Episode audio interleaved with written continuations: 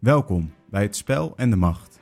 Een podcast over politiek gemaakt door studenten en docenten van de Universiteit Leiden. Een initiatief van het Centrum voor Nederlandse Politiek en Bestuur, waarin wetenschappers van verschillende disciplines die onderzoek doen naar Nederlandse politiek samenwerken. Met deze podcast willen we het licht vanuit verschillende disciplines laten schijnen op de Nederlandse politiek. Tot aan de verkiezingen verschijnen er vier afleveringen. We behandelen niet zozeer de actualiteit, maar we kijken naar de achterliggende vragen bij verkiezingen. Simpele vragen met complexe antwoorden. Met in deze aflevering de vraag: welke bedreigingen zijn er voor het voortbestaan van het democratische proces en hoe weren we ons daartegen? Gepresenteerd door mij, Paul Maas, student journalistiek en nieuwe media. En mij, Simonotjes, universitair docent Nederlandse Politiek bij de Universiteit Leiden. Al bijna 100 jaar houden we in Nederland democratische verkiezingen om onze vertegenwoordigers te kiezen. Het lijkt erop dat het democratische proces van verkiezingen dus onaantastbaar is. Maar hoe duurzaam is ons democratische proces en hoe houden we het weerbaar?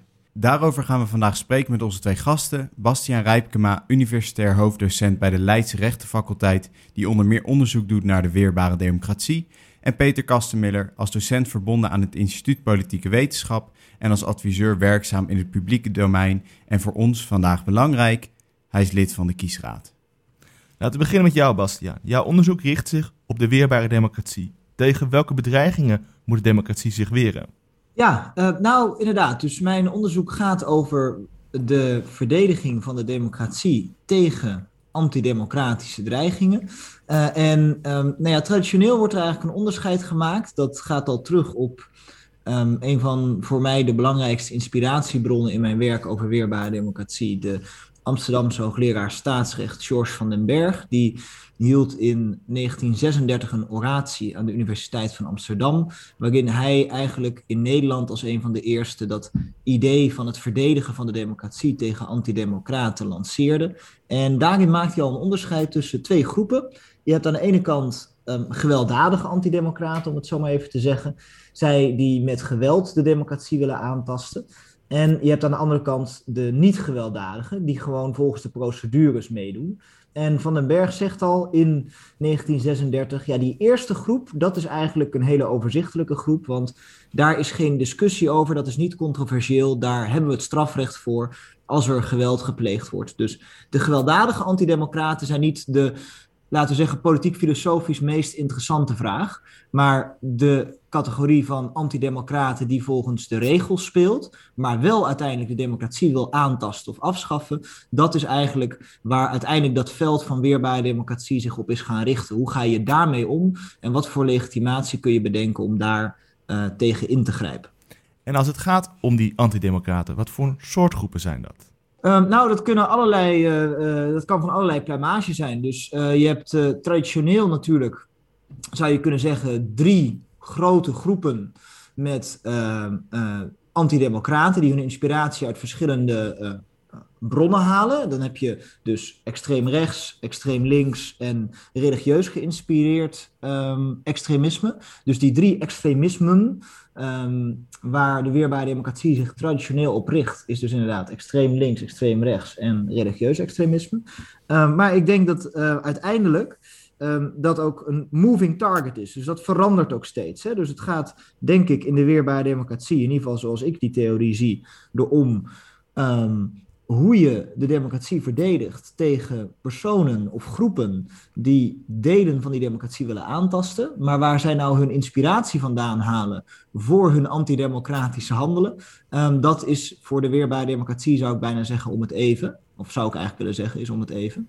Uh, en je ziet ook dat er dus nieuwe varianten nu opstaan. Hè. Ik heb uh, onlangs een interview gegeven aan um, het tijdschrift van de Nederlandse gemeente. Want ik heb ook een nieuw boek uit, uh, Lokale Weerbare Democratie, net vorig jaar. En in dat interview ging het bijvoorbeeld toen ook over wat je eigenlijk de afgelopen zomer een beetje hebt zien opkomen. Um, wat ik ook wel complotextremisme heb genoemd. Dus extremisme uh, dat wel links heeft met de andere vorm van extremisme die we al kennen, bijvoorbeeld rechtsextremisme, maar toch ook een hele eigen soort lijkt te zijn, geïnspireerd door een soort uh, ja, hutspot van complotideeën. Uh, en zo ontwikkelen dus die, die tegenstanders van de democratie zich ook.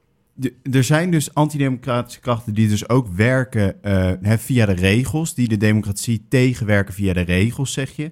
Wat zijn manieren waarop dat gebeurt?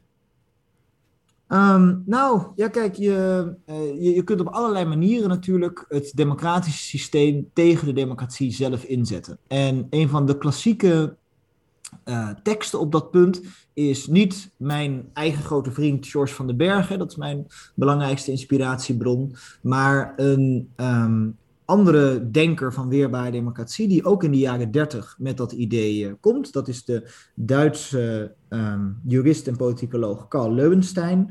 En Karl Leuwenstein is uiteindelijk naar de Verenigde Staten gevlucht toen het naziregime uh, opkwam. En vanuit de Verenigde Staten begon hij eigenlijk te schrijven over de teloorgang van democratie in de jaren 30 op allerlei plekken in Europa. En wat hij eigenlijk gaat doen is precies wat jij vraagt nu. Uh, hij gaat namelijk analyseren uh, wat doen nu eigenlijk die antidemocraten um, met dat democratische systeem en hoe maken ze misbruik van dat democratische systeem. En nou ja, zijn analyse, die dus een beetje een klassieke analyse is geworden van de weerbare democratie, is dat hij dus zegt van nou ja, kijk, die democratie die heeft een aantal aspecten een van die aspecten is dat het de vrijheden van de democratie ook geeft aan de verklaarde tegenstanders van de democratie. En vervolgens die tegenstanders van de democratie dus de ruimte geeft om bijvoorbeeld de vrijheid van vereniging, de vrijheid van meningsuiting, de, het kiesrecht, um, al die zaken te gebruiken om dus tegen diezelfde democratie te ageren. Maar vervolgens laten ze ook die, hè, dus nog steeds dus Leuwenstein, vervolgens laten ze ook die antidemocraten toe in het hart van de democratie, bijvoorbeeld in het parlement. En wat er dan gebeurt, is dat er eigenlijk twee dingen kunnen gebeuren.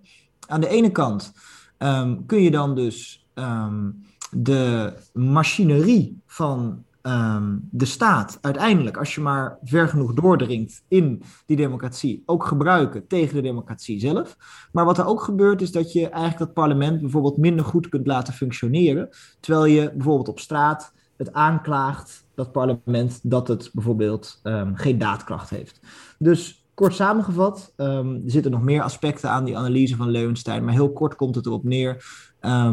Die antidemocraten die krijgen dus van de democratie alle vrijheden van de democratie om zich tegen die democratie te verzetten. En vervolgens worden ze ook in de instituties van de democratie toegelaten om die democratie, democratische instituties zelf um, misschien uiteindelijk tegen de democratie in te zetten, maar in ieder geval in eerste instantie ook minder goed te, te laten functioneren. Dat is eigenlijk wat je kunt opmaken uit die teksten van Leuwenstein. Maar als zij handelen binnen uh, de instituties die wij kennen en binnen het hart van de, hè, de democratie, het parlement, hoe weer je dan alsnog tegen die antidemocratische krachten als het zoiets schadelijks is?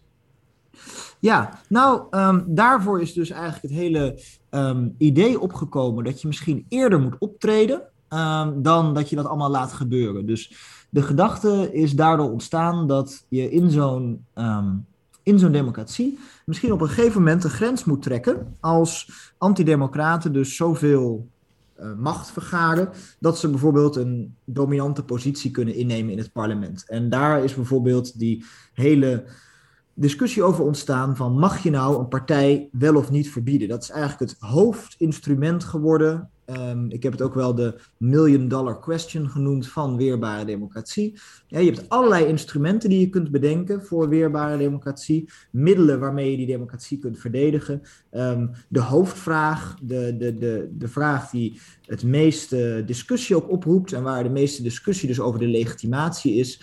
Um, dat is, moet je niet een partij die dus inderdaad echt, hè, dat is ook een bewijskwestie, maar een partij die echt van plan is de democratie aan te tasten, moet je die niet kunnen verbieden, zodat ze niet van al die rechten gebruik kunnen maken om de democratie uiteindelijk zelfs van binnenuit aan te tasten. En dat is al eens gebeurd, een uh, politieke partij verbieden in Nederland? Ja, nee, in Nederland is dat ook gebeurd. Um, uh, het is ook een van de interessante discussies die ik uh, uh, bijvoorbeeld met mensen gevoerd heb nadat ik mijn boek in 2015 publiceerde, dus Weerbare Democratie, dus eigenlijk mijn, zeg maar het algemene boek over dit onderwerp. En um, dan merkte ik dat ik, um, uh, want ik verdedig dus hè, dat onder zeer specifieke omstandigheden het mogelijk moet zijn om een partij te verbieden om de democratie te beschermen. Daar kan ik straks misschien nog wat over zeggen. Uh, maar dat verdedig ik dus in het boek. En ik merkte in veel discussies dat uh, mensen dan dachten van ja, maar Oeh, dat vind ik wel gevaarlijk, dat we eigenlijk die mogelijkheid gaan introduceren in Nederland. Omdat, nou ja, zoals ik al zei, het is een controversieel instrument. Ik denk dat het onder omstandigheden gelegitimeerd is. Maar het punt is eigenlijk uh, dat het niet iets nieuws introduceert. Want um, het kan al, het kan op heel veel plekken in Europa. Het is ook op veel, veel verschillende plekken in Europa de afgelopen 50 jaar toegepast, dat instrument. Um, alleen um, specifiek ook in Nederland. Dus Nederland kent ook al het instrument van het partijverbod. En um, in Nederland is het een beetje afhankelijk van de definities die je hanteert. Uh, na de Tweede Wereldoorlog, hangt ook een beetje vanaf waar je daar de grens trekt. Maar zeg maar vanaf 1944 kun je zeggen, nogmaals afhankelijk van je definities, dat er drie tot vier partijen in Nederland verboden zijn. En, en bijvoorbeeld welke? Um, nou, het begint in uh, ehm, 1944. Dan, hè, het zijn er maar drie of vier, dus dan noem ik ze eventjes allemaal. Ja. Uh, het begint in 1944 met de NSB natuurlijk, die uh, verboden is gewoon met een besluit. Dus NSB verboden. in 1955 is de Nationale Europese Sociale Beweging eh, verboden. Dus de Nationale Europese Sociale Beweging. Mm dat was eigenlijk een opvolgerpartij, zou je kunnen zeggen. Zo noem je dat in de weerbaar democratie-discussie een opvolgerpartij van de NSB, de Nationale Europese Sociale Beweging. De afkorting daarvan is natuurlijk, um, of het acroniem is ook NESB. Uh, dat was niet toevallig natuurlijk. Het was ook opgericht, uh, of een van de oprichters was um, een oud SS'er, Paul van Tienen. Dus dat was een uh, ja, vrij duidelijke clear-cut case dat we daar te maken hadden met een, ja, een soort nieuwe opstart van de NSB, die dus aan het eind van de Tweede Wereldoorlog verboden is. Dus die is op dezelfde gronden als het verbod van de NSB verboden, met dus het argument inderdaad van ja, dit is gewoon een voortzetting van um, de NSB. En toen hebben we nog twee verboden daarna gehad. Dus dit was 1955. Dan hebben we nog een verbod gehad in 1978 van de Nederlandse Volksunie um, in 1978. En het interessante daaraan is dat daar toen nog in de wet een weeffout zit, eh, zat, zou je kunnen zeggen. Ik zal niet helemaal op die weeffout ingaan. Ik bedoel, het zou voor de juridische luisteraars heel leuk zijn, maar uh, je moet me even van mij aannemen, er zat een weeffout in die wet, ja. waardoor um, de NVU wel verboden werd. Uh, of eigenlijk, ja, dat was juist het punt, niet goed verboden werd. Uh, waardoor ze gewoon in 1981 weer aan de Kamerverkiezingen mee konden doen. Dus dat was eigenlijk een, een dysfunctionerend verbod uh, in 1978. dat is gerepareerd in de wet daarna. En in 1998 is op basis van de nieuwe wet um, het meest recente partijverbod uitgesproken, dat van CP86. En dat verbod zat wel gewoon uiteindelijk goed en stevig dichtgetimmerd in elkaar. Um, en CP86 is verboden omdat um, die partij uh, opriep en aanzette tot uh, discriminatie van Nederlanders met een okay. migratieachtergrond. Maar, maar discriminatie, dat is niet precies hetzelfde als democratie. Dus hoe hangt dat precies samen? In welke zin was CP86 een bedreiging voor de democratie dan als ze aanhalingstekens alleen maar opriepen tot discriminatie? Ja, uh, nee, goede vraag inderdaad. Dit is dus ook waarom ik vaak uitleg van ja, kijk, in Nederland bestaat dus die mogelijkheid al om partijen te verbieden. En je zou zelfs kunnen betogen dat de manier waarop dat in Nederland nu mogelijk is, eigenlijk nog wel zelfs een tikkeltje ruimer is dan in ieder geval in een aantal theorieën van weerbare democratie.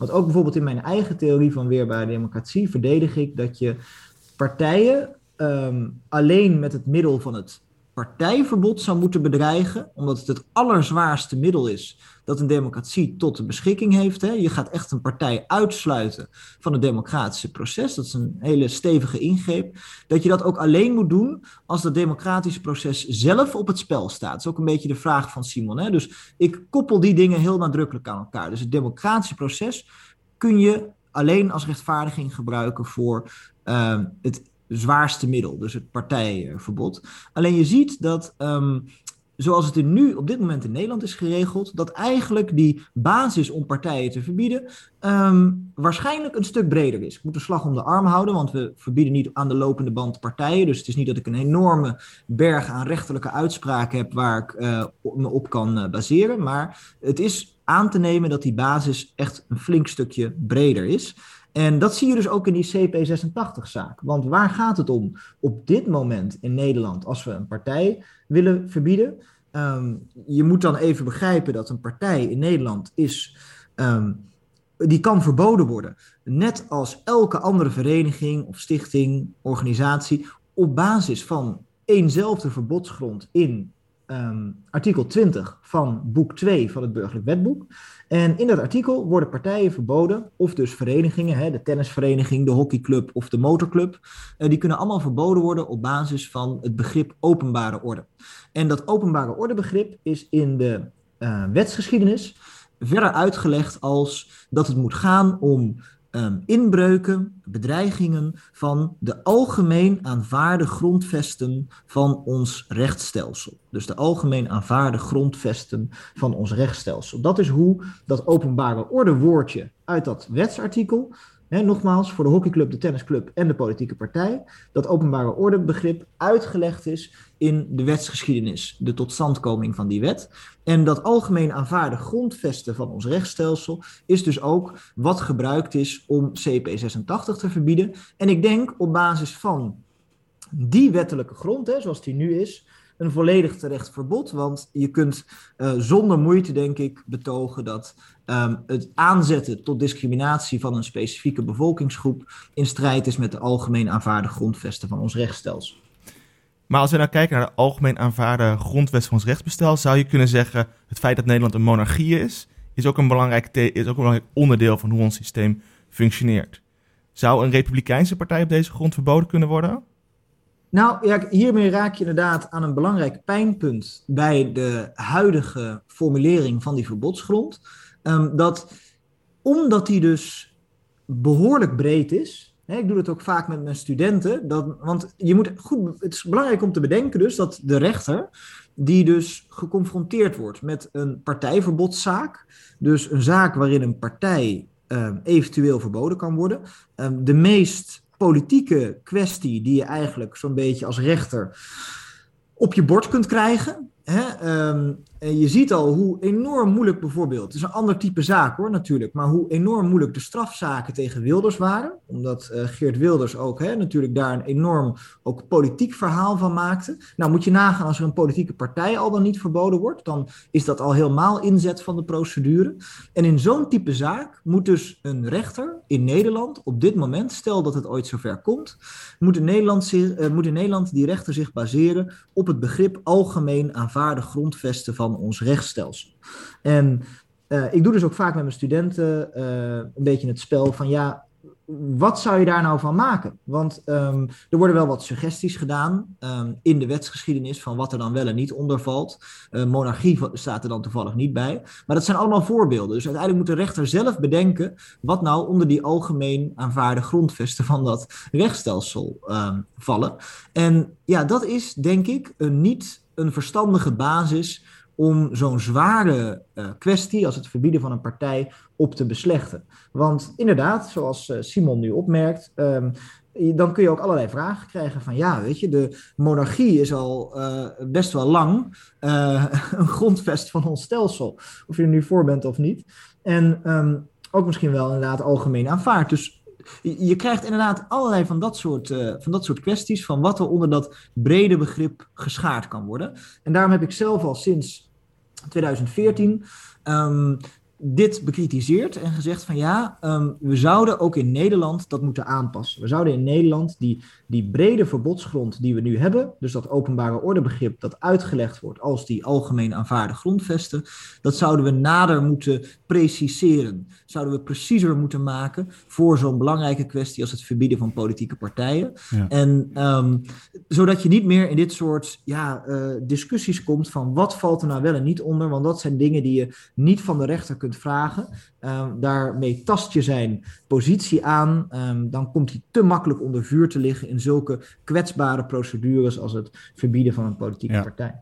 Dus we hebben tot nu toe hebben het gehad over bedreigingen van binnenuit, dus van antidemocratische partijen. Uh, maar er zijn ook andere bedreigingen. Um, en de vraag is, welke bedreiging zie jij, Peter, uh, en ziet de kiesraad voor dat democratische proces? Uh, u moet begrijpen dat uh, de kiesraad uh, bewaakt, in zekere zin wel het, pro pro het, proces, het politieke proces, maar het proces als eenmaal al, ja, het, gangbare sp spelregels. Dus partijen die willen deelnemen aan de verkiezingen, die hebben al de barrière gepasseerd dat ze meedoen aan verkiezingen. En zich dus ook gekwalificeerd hebben in de zin dat ze voldoende aantal vormvereisten. En daarna bekijken we alleen of het proces goed verloopt. Um, bedreigingen zijn er wel, maar die, komen, die zijn uh, weinig tastbaar op dit moment in Nederland. Uh, ook niet concreet aangetoond, maar in, op wereldschaal zien we wel bedreigingen voor het politieke proces. Dat is ten eerste dat er veel desinformatie wordt verspreid over verkiezingen uh, op social media, op andere bronnen. waardoor het, het, het partijpolitieke proces of het verkiezingsproces verdacht wordt gemaakt. Kloppen de uitslagen wel, is er niet mee gerommeld. Dus daar is permanent discussie over. Een tweede uh, discussie is uh, dat uh, wellicht, er zijn wel aanwijzingen voor, niet in Nederland, maar wel in andere landen, andere mogendheden of andere partners, der buitenstaanders, zich bemoeien met verkiezingen en proberen de uitslag op die manier te beïnvloeden door bijvoorbeeld in te breken in systemen of op die manier de uitslag aan te, aan te passen. En dat is een belangrijke reden om die systemen weerbaar te maken tegen inmenging van buiten. Ja, eh, en eigenlijk is uh, de kiesraad is daar al een aantal jaren flink mee bezig. Kijk, wij doen in Nederland hebben wij, doen wij heel weinig digitaal in verkiezingen. Er is ook veel discussie over. waarom kan dat nou niet? Waarom doen jullie dat nou niet? Waarom moet je zo ouderwets naar een stemlokaal gaan? Dan moet je papier een, een bolletje rood kleuren. Kan dat nou niet anders?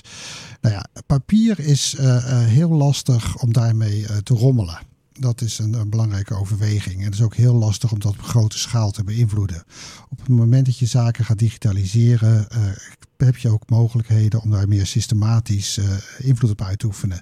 Er lopen er processen waar je minder grip op hebt. Die discussie werd uh, manifest rond 2006, 2007. Uh, toen gebruikten veel Nederlandse gemeenten gebruikten stemmachines. Waar je dus inderdaad op een knopje kon drukken. En dan rolde daar, daar, werd geregistreerd welke stem je had uitgebracht. En als de stemlokalen sloten om negen uur s'avonds, hoefde de voorzitter alleen maar op een ander knopje te drukken. En had je binnen vijf minuten de uitslag.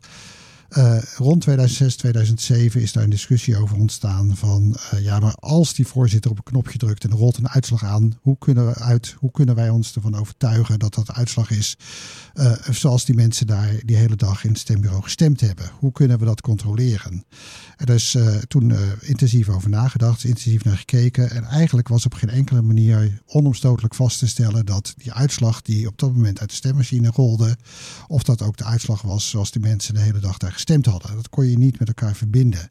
En daarom is uiteindelijk weer besloten om uh, stemmachines af te schaffen. En wordt er dus weer op papier gestemd. Vanuit de belangrijke reden dat dat gewoon beter controleerbaar is. Maar, maar waarom kan er dan in andere landen wel met een stemmachine worden gestemd?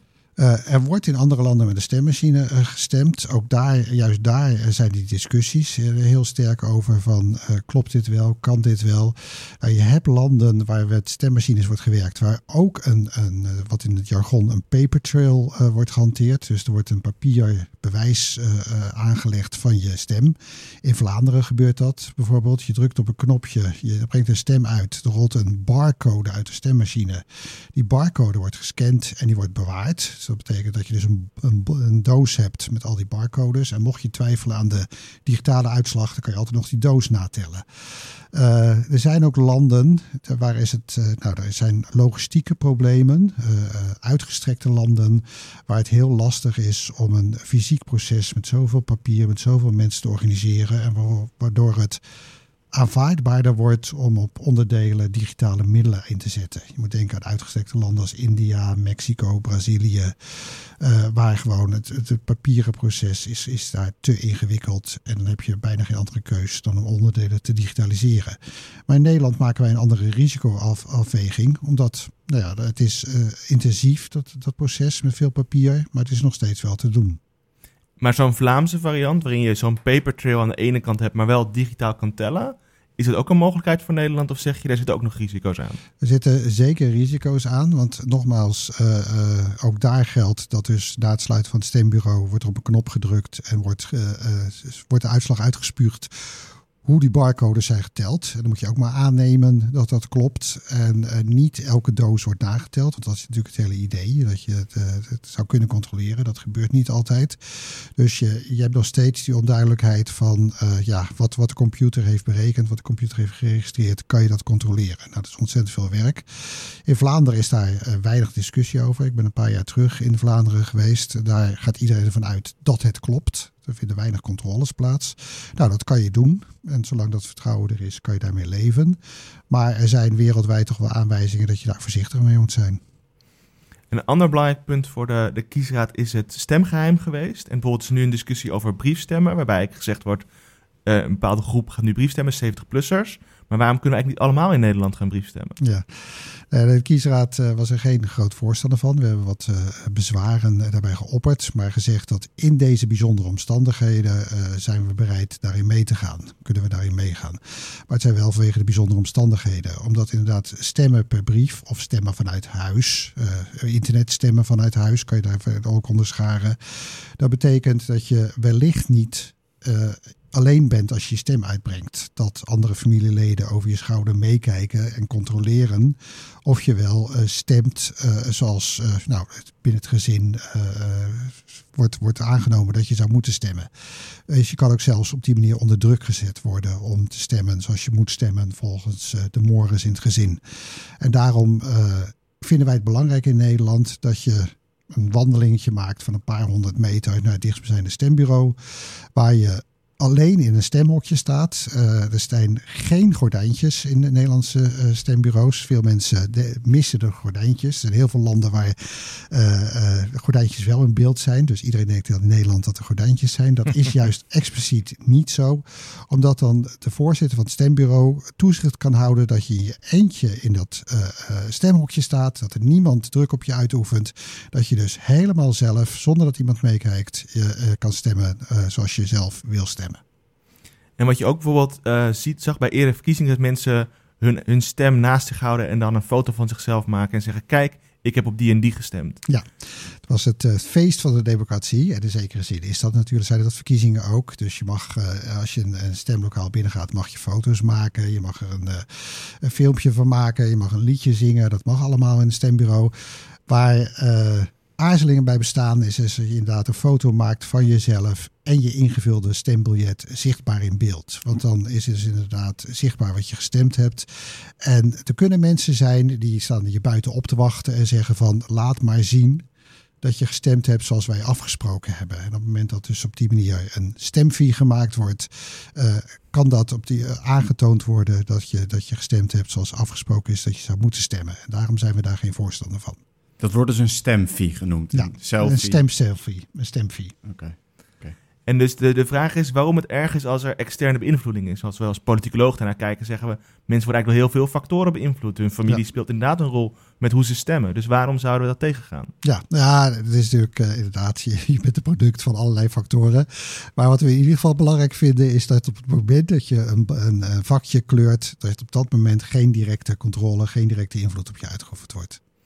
En Bastiaan, hoe kijken mensen vanuit de rechtsfilosofie naar dat stemgeheim? Is dat een belangrijk punt voor rechtsfilosofen of zijn er mensen die er anders over gedacht hebben? Nou, uh, het interessante is dat um, uh, inderdaad, het is een algemeen, uh, vanuit de politieke filosofie, maar ook rechtsfilosofie natuurlijk, een algemeen aanvaard principe dat um, je dat stemgeheim zo, zo goed mogelijk moet bewaken. En ook inderdaad al de opmerkingen die net gemaakt zijn door Peter Kastenmiller inderdaad, hè, vanuit de kiesraad, dat, dat wordt volgens mij heel breed onderschreven. Alleen, het is wel interessant om op te merken dat er ook wel eens in het verleden, ik zal er niet al te ver over uitweiden, wel eens over iets over gezegd is dat anders is. Um, en ik heb dat ook wel eens gedeeld rondom vorige verkiezingen op Twitter, als er inderdaad discussie was over die stemselfie, hè, over de stemfee, dat uh, John Stuart Mill, uh, bekende Britse filosoof, juist, um, nou ja, eeuwen terug dus, maar wel dacht van ja, kijk, um, die, dat, dat, stemmen, dat moet eigenlijk juist een openbare aangelegenheid zijn. Dus um, het hele idee dat je dus je, dat je stemt en dat je daarbij niet um, verantwoording af hoeft te leggen voor wat je gestemd hebt. Daarvan dacht John Stuart Mill, hè, dus 19e eeuw hebben we het dan over. Um, uh, hij dacht op dat moment dat de ongeoorloofde druk die uitgeoefend kan worden, dat dat wel mee zou vallen bij verkiezingen. Nou ja, goed, daar kun je natuurlijk van alles over zeggen. En daarom zei hij van, nou, daar hoeven we niet meer dat stemgeheim voor te hebben, dat je dus mensen daartegen beschermt. En dan neemt een ander argument de overhand, namelijk dat, ja, jij stemt over de publieke zaak. En dat is ook iets waar je eigenlijk ten opzichte van je peers, ten opzichte van de mensen om je heen, ja, gewoon verantwoording uh, over moet afleggen. Nou ja, goed, dat is natuurlijk totaal de, de minderheidsopinie in dit soort debatten. Maar het is wel grappig om te zien dat er wel ook in de politieke filosofie mensen zijn inderdaad die anders dachten over zo'n uh, idee als dat stemgeheim. Ja, nee, dat klopt natuurlijk. Dus er bestaan mooie schilderijen of uh, sprenten, cartoons uh, van uh, nou, zo'n zo'n zo'n stemmoment in, in, in, Engeland of in Amerika, waarbij je dus als kiezer op het marktplein naar de voorzitter toe liep en hardop ja. zei wat je stemde. Ondertussen ja. alle mensen om je heen dus wisten wat je stemde. En je ziet het in zekere zin ook nog wel terug. Ik, ik, weet niet of het nog bestaat. Tot een aantal jaren terug bestond het in Zwitserse kantons bij referenda dat je op het marktplein je hand moest opsteken, kon opsteken. Waarbij je dus ook in openbaarheid stemde. Dus inderdaad, daar bestaan wel voorbeelden van.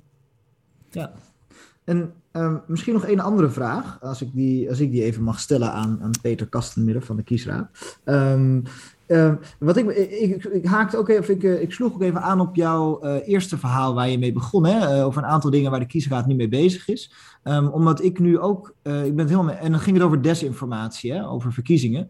En ik vind het natuurlijk bijzonder interessant, omdat ik nu echt zie hoe um, eigenlijk ja, sinds toch wat korte tijd de kiesraad, als het ware die weerbare democratiediscussie, echt ingetrokken wordt. Natuurlijk, de kiesraad is een belangrijk instituut in het hele vraagstuk van democratie en het, ook het uh, daarvan um, op orde houden en het zorgen dat het allemaal goed gaat natuurlijk. Alleen um, door die discussie over desinformatie over verkiezingsuitslagen, wordt de kiesraad eigenlijk op een veel directere, concretere manier in die democratieverdedigingsdiscussie getrokken. We hebben natuurlijk in de Verenigde Staten gezien hoe Trump um, daar in aanloop na de verkiezingen, maar ook na de verkiezingsuitslag, continu twijfel bleef zaaien over de uitslag van die verkiezingen. Um, en ik kan me zo voorstellen dat de kiesraad daar misschien ook mee bezig is. En dat ze daar misschien proberen initiatieven te ontplooien om ook daar zich tegen te verdedigen en de democratie dus te verdedigen. Want hè, we hebben het nu, het is, de maandag twee, het is de week van maandag 22 februari. En we zien dat een deel van die retoriek van Trump ook in Nederland gekopieerd wordt. Hè? Dus we hebben nu allemaal beelden gezien deze dagen van um, Thierry Baudet, die op verschillende pleinen in Nederland um, suggereert dat er ook in Nederland misschien wel eens iets aan de hand zou kunnen gaan zijn met de verkiezingen straks. Uh, dus hoe wordt daar vanuit de kiesraad over nagedacht? Hoe kun je de Nederlandse democratie daartegen beschermen, tegen het zaaien van twijfel over verkiezingen? Ja, kijk, het, het zaaien van twijfel is ingewikkeld. Dat is uh, absoluut. Kijk, uh, op het moment dat je zegt van ja, wij, wij, wij, vertrouwen je niet, dan is het heel lastig om aan te tonen dat je wel vertrouwbaar bent. Uh, geloof mij maar, is een beetje ingewikkeld, maar dat, dat, dat, probeer je wel. Wat de kiesraad als basisverdedigingsgrond heeft, is dat wij ontzettend strikt, ontzettend nauwgezet onthouden aan de regels. en dat klinkt een beetje flauw. Het is ook in zekere zin een beetje tegen mijn natuur om je zo strikt te houden aan de regels. Maar het is in het geval van verkiezingen is dat wel ontzettend belangrijk en het werkt ook goed. Uh, je kan altijd terugvallen op de wet en op de regels en je kan daar. Uh, nou ja, dat is, dat is je basis en dan maak je geen uitzonderingen op. Ik herinner mij dat toen ik uh, kort nog in de kiesraad was, bij, de, bij de vorige, een van de vorige voorzitters, toen speelde de kwestie dat, uh, nou zo'n lange anekdote wordt dit, ik ga kijken of ik hem goed kan vertellen. Um, toen was, uh, uh, waren schaatswedstrijden in het Olympisch Stadion in Amsterdam. Was het een unicum. Uh, was het een groot volksfeest werd dat. en Sven Kramer was op het hoogtepunt van zijn, van zijn sportieve loopbaan. En die maakte er een feestje van. Die ging onbedreigd winnen. Dus die ging 10 meter voor de streep. Kwam weer al overeind. En die kwam juichend en met, zijn benen, met een van zijn voeten omhoog over de streep. Nou, volgens de regels van de schaatswedstrijden mocht dat niet. Je moest beide ijzers op de grond houden.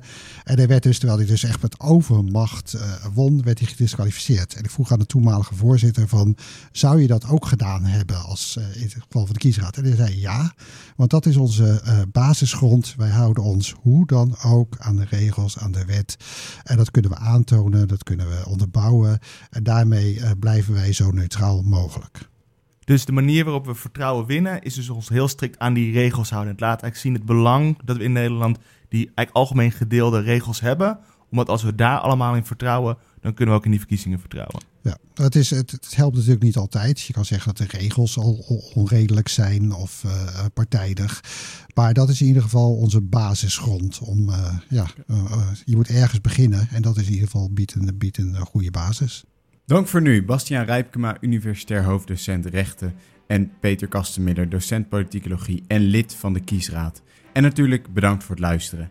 In de volgende aflevering gaan we in op hoe de verkiezingscampagne verloopt als deze voornamelijk via de media gaat. Deze aflevering zal over ongeveer twee weken te luisteren zijn. Wil je deze niet missen? Abonneer dan op onze podcast en laat ons weten wat je ervan vond via Twitter, @cmpb Leiden. Graag tot de volgende keer.